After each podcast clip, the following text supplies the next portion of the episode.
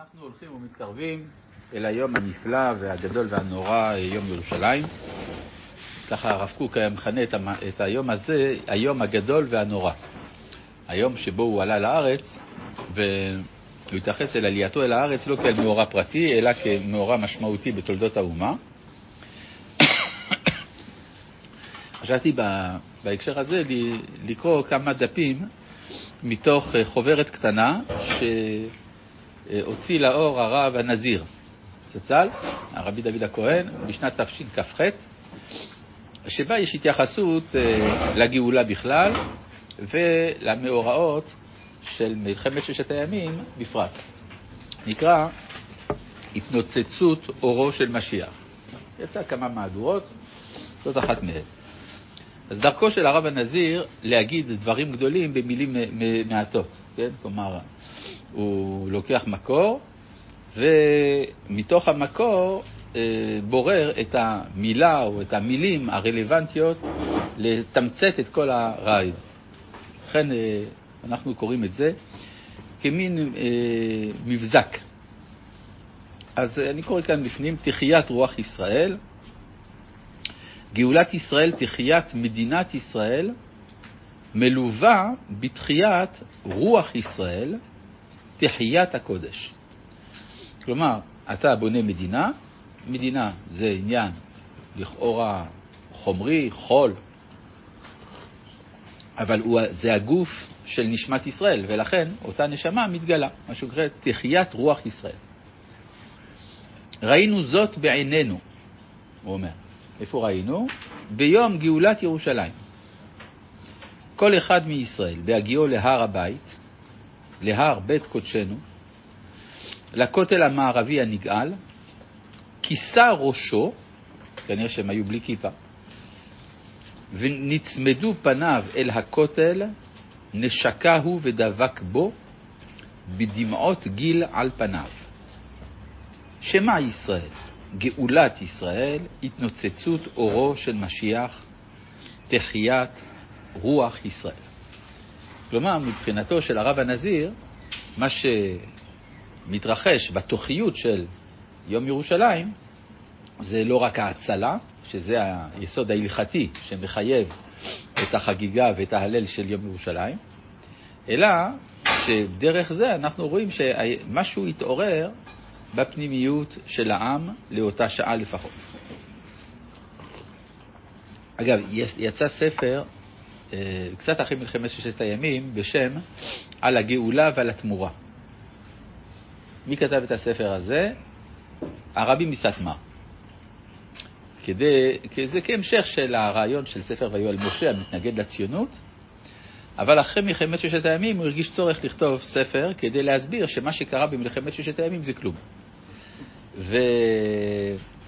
אז הוא מביא שמה שיש כאלה, כתבו שיש אנשים שבעקבות המלחמה התחילו לחזור בתשובה, יש כאלה שהניחו תפילין, שמרו שבת.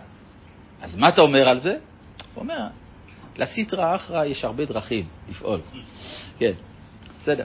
פה אנחנו רואים, לעומת זה, אה, עמדה חיובית. כן. לא, זה משהו אחר. ש... העמדה של הרבי מסטמר היא עמדה קיצונית. כן, העולם החרדי בירושלים, בארץ לפחות, הוא פחות קיצוני בנושא הזה. יש כאלה אפילו שחוגגים את יום ירושלים, אפילו אומרים את ההלל. כן. אמרו רבותינו, בשעה שמלך המשיח נגלה, בא ועומד על גג בית המקדש. והוא משמיע להם לישראל ואומר להם, ענבים, הגיע זמן גאולתכם, קומי אורי קיבה אורך, וכבוד השם עלייך זרח. באותה שעה מבהיק הקדוש ברוך הוא אורו של מלך המשיח ושל ישראל. הבהקה לעומת התנוצצות. זאת אומרת, האור הולך וגובר. זה מתחיל כהתנוצצות, ממשיך כהבהקה, אחר כך האור השלם. אור הגאולה מתנוצץ, נץ אחר נץ, הגאולה באה קמעה קמעה, ואחר כך רבה והולכת, כמפורש בירושלמי, ברכות ויומא. מרן הרב זצ"ל קורא בהתנוצצות אורו של משיח. זה פרק באורות הקודש. יש באורות הקודש פרק שנקרא התנוצצות אורו של משיח. הננו נתבעים, כאן זה ציטוט של הרב קוק, הננו נתבעים ממעמקי נשמתנו לחוש את הגודל הזה גם עכשיו. בהיותו שולח רק קווי אור זעירים הנהורים מקלילים כמו ניצוצות. ואם נאחז רק במידת האור הגלותית, נישאר שוממים. כלומר, הרב אומר, יש תהליכים, מהלכי הגאולה, והם מתמיהים. מתמיהים את הנפש הרגילה. רואים גם שפעולות חשובות נעשות דווקא על ידי החילונים. אז מה, איך להסתכל על זה? אז יש שתי עמדות אפשריות. העמדה האחת היא לומר, יש חושך, כן? הסתר פנים. יש, יש עמדה הפוכה, זה מה שהרב מזמין אותנו אליה. אה, אנחנו נתבעים לעמדה הזאת, לראות את ניצוצות האור. כן, יש אור שמתנוצץ מבעד למסכים. הוא מוסיף, כאן שוב ציטוט של הרב, הננו מוכרחים לתפוס מיד את האורה הגדולה ההולכת וחודרת לנו מאור הגאולה. גם בראשית זעירות הופעתה. כלומר, תגיד, בסדר, נחכה שזה יהיה יותר גדול. לא, כבר עכשיו. אם אתה לא תתפוס כבר עכשיו, אתה תישאר שומם. בשנת תרע"ג. מה הסכנה של זה? הסכנה הנוראה היא לא להבין מתי, איפה אתה חי. יש ב... אה, בתורה נאמר, ובאת אל הכהן אשר יהיה בימים ההם. אז מה זה בימים ההם? אז רש"י אומר, שם חז"ל, אין לך אלא כהן שבימיך. לכאורה, מה זה טריוויאלי? מה, יש לי ברירה? יש לי כהן אחר? עד היום הזה, יש לנו את הכהן. זה נכון, זה באמת, זה באמת הביאור של הדבר, ואני אסתפק בביאור יותר פשוט. אה, יש, אה, לכאורה, אם אתה בא אל הכהן, הרי ברור שהכהן שבדור הקודם הוא לא פה, אז איך, לא תוכל ללכת אליו. אלא הרב אשכנזי מסביר שבין השופטים השונים שבדור, אתה צריך ללכת לא לסתם שופט, אלא לשופט שבימיך, שמבין באיזה תקופה הוא חי. הוא צריך להיות בימיך. לא, אל תלך לכהן שלא מבין באיזה תקופה הוא חי. מעניין, רבי נחמן מברסלב, בליקוטי מוהר"ן, מבאר ארבעה מושגים. צדיק וטוב לו, צדיק ורע לו, צדיק ו... אה, רשע וטוב לו, רשע ו... ורע לו. כן, אז מי זה האנשים האלה? אומר רבי נחמן מברסלב, צדיק וטוב לו, זה צדיק שהלכה כמותו. למה טוב לו? כי, למה הלכה כמותו? כי הדור זורם איתו. הוא והדור נמצאים באותו תדר. אז צדיק וטוב לו. אבל צדיק ורע לו, זה צדיק שאין הלכה כמותו. למה אין הלכה כמותו? הוא צדיק, אבל הוא לא מתאים לדור, הוא של דור אחר. ולכן רע לו. אז לפי זה, מה זה רשע וטוב לו? אומר רבי נחמן, זה הרשע שמקורב לצדיק שהלכה כמותו. כלומר, יש לו מזל לרשע הזה. הצדיק שהוא מכיר, מבין אותו, יכול לעזור לו. אז מה זה רשע ורע לו? זה רשע שמקורב לצדיק שאין הלכה כמותו. כלומר, לא רק שהוא רשע, הצדיק שהוא מכיר לא יעזור לו. אז לכן זה, יש איזו סכנה גדולה מאוד לא להבין באיזה תקופה אדם חי. וזה, אה, יש דברים שהם נכונים בדור מן הדורות, והם לא נכונים בדור אחר. וזה יכול להביא את האדם מלהיות צדיק ללהיות רשע, לשם שמיים. למשל, המרגלים. המרגלים כשרים היו. אומר רש"י, באותה שעה כשרים היו. היו צדיקים גדולים, אבל הם לא הבינו מתי הם חיים. הם חשבו שהם עדיין צריכים להישאר במדבר. הם הצליחו דרך אגב. כן, לכן הוא אומר, אה, אה, חושב שכל הדור כולו קלה, זה לא דבר פשוט. כן, על פי הקבלה יש משהו חמור מאוד בדור המדבר, שהוא נחתך כאילו מהאילן של כנסת ישראל. ממשיך הרב הנזיר. בשנת תרע"ג, תרע"ג זה 1913, זה שנה לפני 1914. אני חושב שמבחינה מתמטית זה נכון. מדובר, אם כן, בערב מלחמת העולם הראשונה. עכשיו, קצת אה, ביוגרפיה... סליחה? שלטון עות'מאני. כן, אבל אה, לא על זה מדובר. מה אני אעשה? כן, אה, רק אה, פרט ביוגרפי לגבי הרב הנזיר, האביו של הרב הנזיר היה הרב של העיירה רדין, שבה גר החפץ חיים. החפץ חיים לא היה הרב של רדין. האבא של הנזיר היה הרב, והם היו גרים בית מול בית, בשני צידי הרחוב. ובצעירותו, הרב הנזיר היה לומד עם החפץ חיים. אותו ילד, היה לומד. ועד שבגיל 18 הוא עזב את רדין, הלך אה, ללמוד בברלין, באוניברסיטה, טוב, לא משנה. אה, אה, אז הוא למד אצל החפץ חיים. עכשיו, המשפחה של הרב הנזיר היו צאצאים של רבנים גדולים. ראש השושלת זה הרבי רפאל הכהן מהמבורג, שהיה זה שהחרים את פנדלסון אגב. בקיצור, הוא מספר כאן, בשנת תרע"ג, בנוסעי מרוסיה לאשכנז דרך ליטא, סרתי לעיירה רדין, מקום מורי ורבי החפץ חיים זצ"ל, שם חונכתי מהיותי בן תשע, בשנת תרנ"ו, בבית אדוני אבי זקני, הרב רבי זכריה מנחם מנדל כץ, זצ"ל, רב ואב בית דין דרדין. ואחריו חתנו דודי, שהיה אחר כך גיסי, הרב רבי מרדכי סנדר הלוי קופשטיין, זצ"ל, וביתם מול בית החפץ חיים. בערב נכנסתי לבית מורי ורבי החפץ חיים, והוא התחיל לדבר איתי באריכות על משפחתנו הכהנים, שמהם רבנים וגדולי תורה, וכך אמר: מתחילה, בהיותי מתפלל, ולירושלים עירך ברחמים תשוב. חשבתי זו תפילה. תפילה, תפילה. וכן, בהיותי מתפלל, את צמח דוד עבדך מהרה תצמיח, חשבתי זו תפילה, תפילה, תפילה.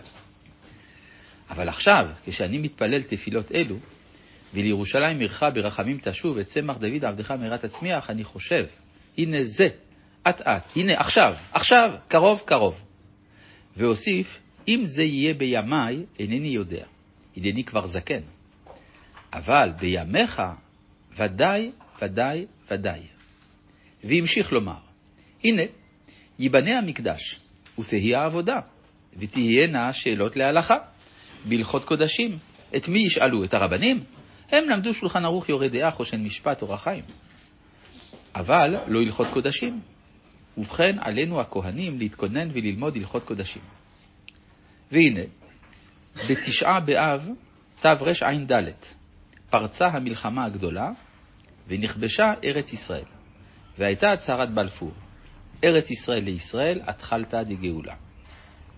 וביום כ"ח באייר תשכ"ז זכינו לשחרור הר הבית, והרב הראשי לצבא ההגנה לישראל חתני, הגאון רבי שלמה גורן שליטא, עמד לפני הכותל המערבי וספר תורה בידו והתפלל תפילת שליח ציבור, ותקע בשופר לחירותנו, ואנחנו אמרנו שיר המעלות בשוב השם את שיבת ציון היינו כחולמים. כלומר, דברי החפץ חיים התקיימו לו במלחמת ששת הימים, שהוא יזכה לראות את זה. מלחמות. מלחמות גוג ומגוג, וארמילוס הרשע, בימי משיח בן יוסף. מה? הברכה שלו, הוא אמר לו, אתה תזכה לזה. אז הוא זכה לזה, כן, וצמח דוד עבדך מן תצמיח. ולירושלים עירך. מלחמות, מלחמות גוג ומגוג, וארמילוס הרשע, בימי משיח בן יוסף, ולבסוף ייהרג ארמילוס על ידי משיח בן דוד, ותהיה הגאולה השלמה.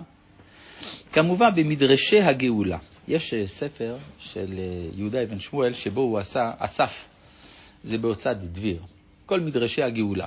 יש כל מיני מדרשים אה, קצת מוזרים לפעמים, קצת מאוחרים, אבל אה, מדרשים בכל זאת. כמובן במדרשי הגאולה, בסוף מדרש ויושע ובספר זרובבל ועוד, בפרקי משיח על משיח בן יוסף וארמילוס הרשע, שיהרגנו ויהרג על ידי משיח בן דוד. וכן לרב סעדיה גאון, האמונות והדעות, מאמר שמיני, גאולה אחרונה, וגם בפירוש שיר השירים פרק ז', על הכתוב שובי שובי, וכן בתשובת רב היי גאון, וכן בספר אבקת רוכל לרבי מחיר, תלמיד רבי יהודה בן הראש, ושם חלק א', עשר אותות מלחמות מלך המשיח עוד ז', ושם על ארמילוס, וייהרג על ידי משיח בן דוד.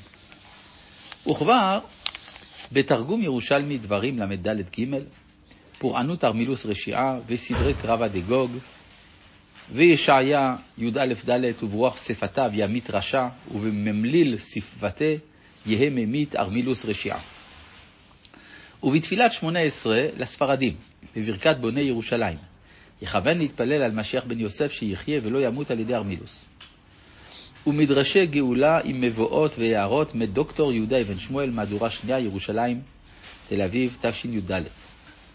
והיו שאמרו, יתה ולא יחמינה, יבוא משיח ולא יראנו, משום חבלו של משיח. מתוך כך הוא עובר להבדל בין ששון לשמחה.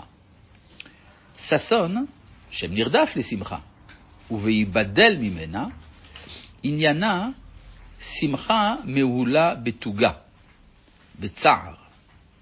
וכן, בימות המשיח בימינו. בהתחלת הגאולה, השמחה אינה מלאה, היא מהולה בתוגה, באבל, במלחמות, בניצחון המלחמה, בגאולת הר קודשנו ומקום מקדשנו, מיקירנו נפלו חללים והרבה פצועים.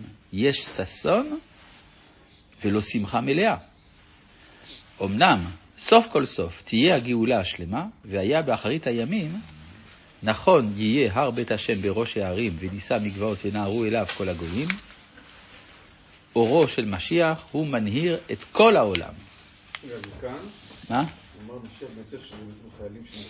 משיח, זה, לא, התקופה היא תקופת משיח בן יוסף, ויש בה צער, שלכן זה נקרא רק ששון ולא שמחה.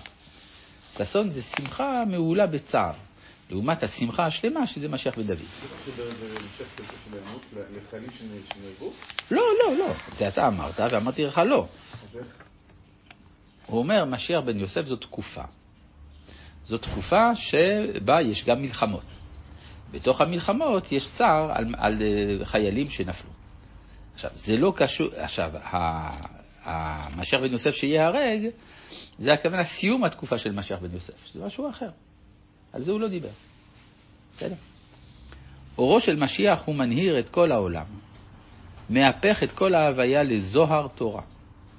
ואז יקוים שמע ישראל השם אלוהינו של ישראל, השם אחד לכל העמים. והלכו עמים רבים, ואמרו לכו ונעלה אל הר השם אל בית אלוהי יעקב, ויראנו מדרכיו ונלכה באורחותיו, כי מציון תצא תורה ודבר השם מירושלים. ושפט בין הגויים, והוכיח לעמים רבים, וכיתתו חרבותם לעיתים, וחניתותיהם למזמרות. לא יישא גוי אל גוי חרב ולא ילמדו עוד מלחמה, בית יעקב לכו ונלכה באור השם.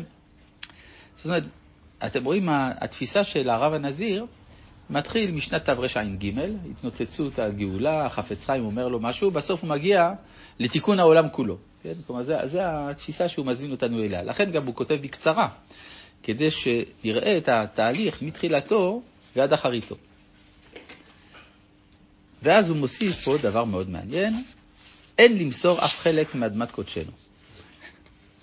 כן. ארץ ישראל, ארץ קודשנו היא רוח אפינו, נשמת חיינו. אין אנו יכולים ואין אנו רשאים למסור אף חלק, אף שעל מאדמת קודשנו. ביום שחרור מקום מקדשנו, בעומדנו על יד כותל דביר קודשנו, היה דברי לכתב שביקש לומר לו דבר. כן, הרי הגיע כתב, ראיין את הרב צבי יהודה ואת הנזיר. אז כן, הם היו הראשונים שהגיעו גם בין הרבנים, זה הרב גורן סידר להם קומנד קר וזה, אבל, אה, ואז הגיע אה, כתב, מבקש מהרב ציודה לדבר, מבקש מהרב הנזיר לדבר. הרב ציודה אמר דברים שידועים, ארוכים, אבל הרב הנזיר אמר לו רק שלוש מילים. מכאן לא נצא. זהו. כן, זהו, זה הדרכו לתמצת. קודשא בריחו, כנסת ישראל יקרה אחד, ומתי יקרה אחד? בשעתה דייפקון ישראל מן גלותה. וכנסת ישראל אהדרה להתראה, לזדב גבי בקודשא בריחו. הדהו דכתיב, ביום ההוא יהיה השם אחד ושמו אחד, וכתיב גוי אחד בארץ. ודאי בארץ הם גוי אחד, עמה יקרון אחד, ולה אינון בלכודיו. האומר שכל ארץ ישראל לישראל, חוץ משעל אחד, הרי הוא נוטל מקדושת הארץ, ואת נפש ישראל הוא קובע. זה ציטוט של הרב חרל"פ. אין שום צד היתר לאיסור תורה זה של מסירת קרקעותינו לגויים, חס ושלום, זה ציטוט של הרב צבי יהודה. אחר כך יש לו פרק שלם על אה, מצוות יישוב ארץ ישראל ועל אה, אה, שלושת השבועות. יש פה כמה עמודים שאני מדלג עליהם, ואני מגיע לדברי הסיום. עם גאולת ישראל יתחדש הרוח הנבואי בישראל, בארץ ישראל. כדברי, כדברי רבנו סעדיה גאון, בגאולה האחרונה, אז תחול הנבואה בתוך עמנו, עד שבנינו יתנבאו, כמו שאמר, והיה אחרי כן אשפוך את רוחי על כל בשר, וניבאו בניכם ובנותיכם, ויעמדו על עניין הזה כל ימי העולם. כמו שאמר, ישראל נושע בשם תשועת עולמים. וכן הרמב"ם במורה נבוכים חלק ב' פרק ל"ו, שבאר, אחר שבאר הסיבה הקרובה בהפסק, הנבוא, בהפסק הנבואי בזמן הגלות, כלומר עצלות או עצבות, ויותר רע מזה היותו עבד נקנה ועבד לזכלים הזונים, ואומר מלכה ושריה בגויים אין תורה, גם נביאיה לא מצאו חזון מהשם. כלומר הרמב"ם מסביר למה אין נבואה בזמן הגלות, כי אנחנו עצובים, כי אנחנו נתונים בידי הטיפשים וכולי. וזה אמת מבואר העילה, כי הכלי נתבטל, והוא הסיבה בשוב הנבואה לנו על מנהגה לימות המשיח, מהרה יגלה כמו שיער. ובאיגרת תימן, שתחזור הנבואה לישראל אחר שתפסוק מהם, ואין ספק שחזרת הנבואה היא הקדמה למשיח, שנאמר, וניבאו בניכם ובנותיכם. ואז הוא מביא עוד ציטוט מהרב קוק באורות הקודש. באמת, חסרון רוח הקודש בישראל הוא לא חסרון שלמות, כי אם מום, הוא מחלה. ובארץ ישראל היא מחלה מכאבת, שהיא מוכרחת להירפא. כי אני השם רופאיך. והרוח הנבואי עתיד להופיע בישראל באורו של משיח. בו יבואו אלינו שניהם יחד, אליהו עם מלך המשיח. אליהו זה נביא. לעת כזאת, שתחיית האומה מתעוררת, והיא בכל יום יוצאת מן הכוח אל הפועל, בגוונים שונים, אף על פי שהתחייה הלאומית בישראל וסימני תחיית הרוח של האדם הכללי הם נראים על פי צדדים חיצוניים וגופניים, הגיע הזמן להתקרב כל חושב מחשבות, כל הוגה, כל מליץ, וכל אשר רוח השם נוססה בו, לתשוקת הופעת רוח הקודש, הבא ושוטף על ידי מעמק היגיון ברזי תורה. כלומר, צריך ללמוד קבלה, אבל באופן מעמיק ורציונלי, בעומק היגיון. ורוממות קודש זאת, היא מתגלה על יחידי הסגולות, וריח הטוב של משיח אלוהי יעקב הולך ומזדלף בהם, ואז הוא מביא כאן אה, שני ציטוטים מאורות הקודש. ספיחי נבואות הנה צומחות, ובני נביאים מתעוררים, רוח הנבואה הולך ושט בארץ, וסגולת אל העליונה אשר לישראל, ידע ברוח אלוהים אשר עליו, אשר רק בארצנו עליו תגלה. אל מעיין הנבואה, הננו נקראים. מרוחו של משיח זורמים ונושבים רוחות, והנה באים עדינו. כן, כלומר זה הרעיון שיש דברים שמושפעים מן העבר, מן העבר ויש דברים שמושפעים מן העתיד. אז הוא אומר, מרוחו של משיח באים רוחות אלינו, כלומר מן העתיד אל ההווה. הננו מתקוממים, מתנערים ומבקשים חיים חדשים. חידוש ימינו כקדם. זה המבט של הרב הנזיר על המאורעות של תקופתנו. רבי חנניה בן הקשיא אומר, רצה הקדוש ברוך הוא לזכות את ישראל, לפיכך הרבה להם תורה ומצוות, שנאמר, עד תורה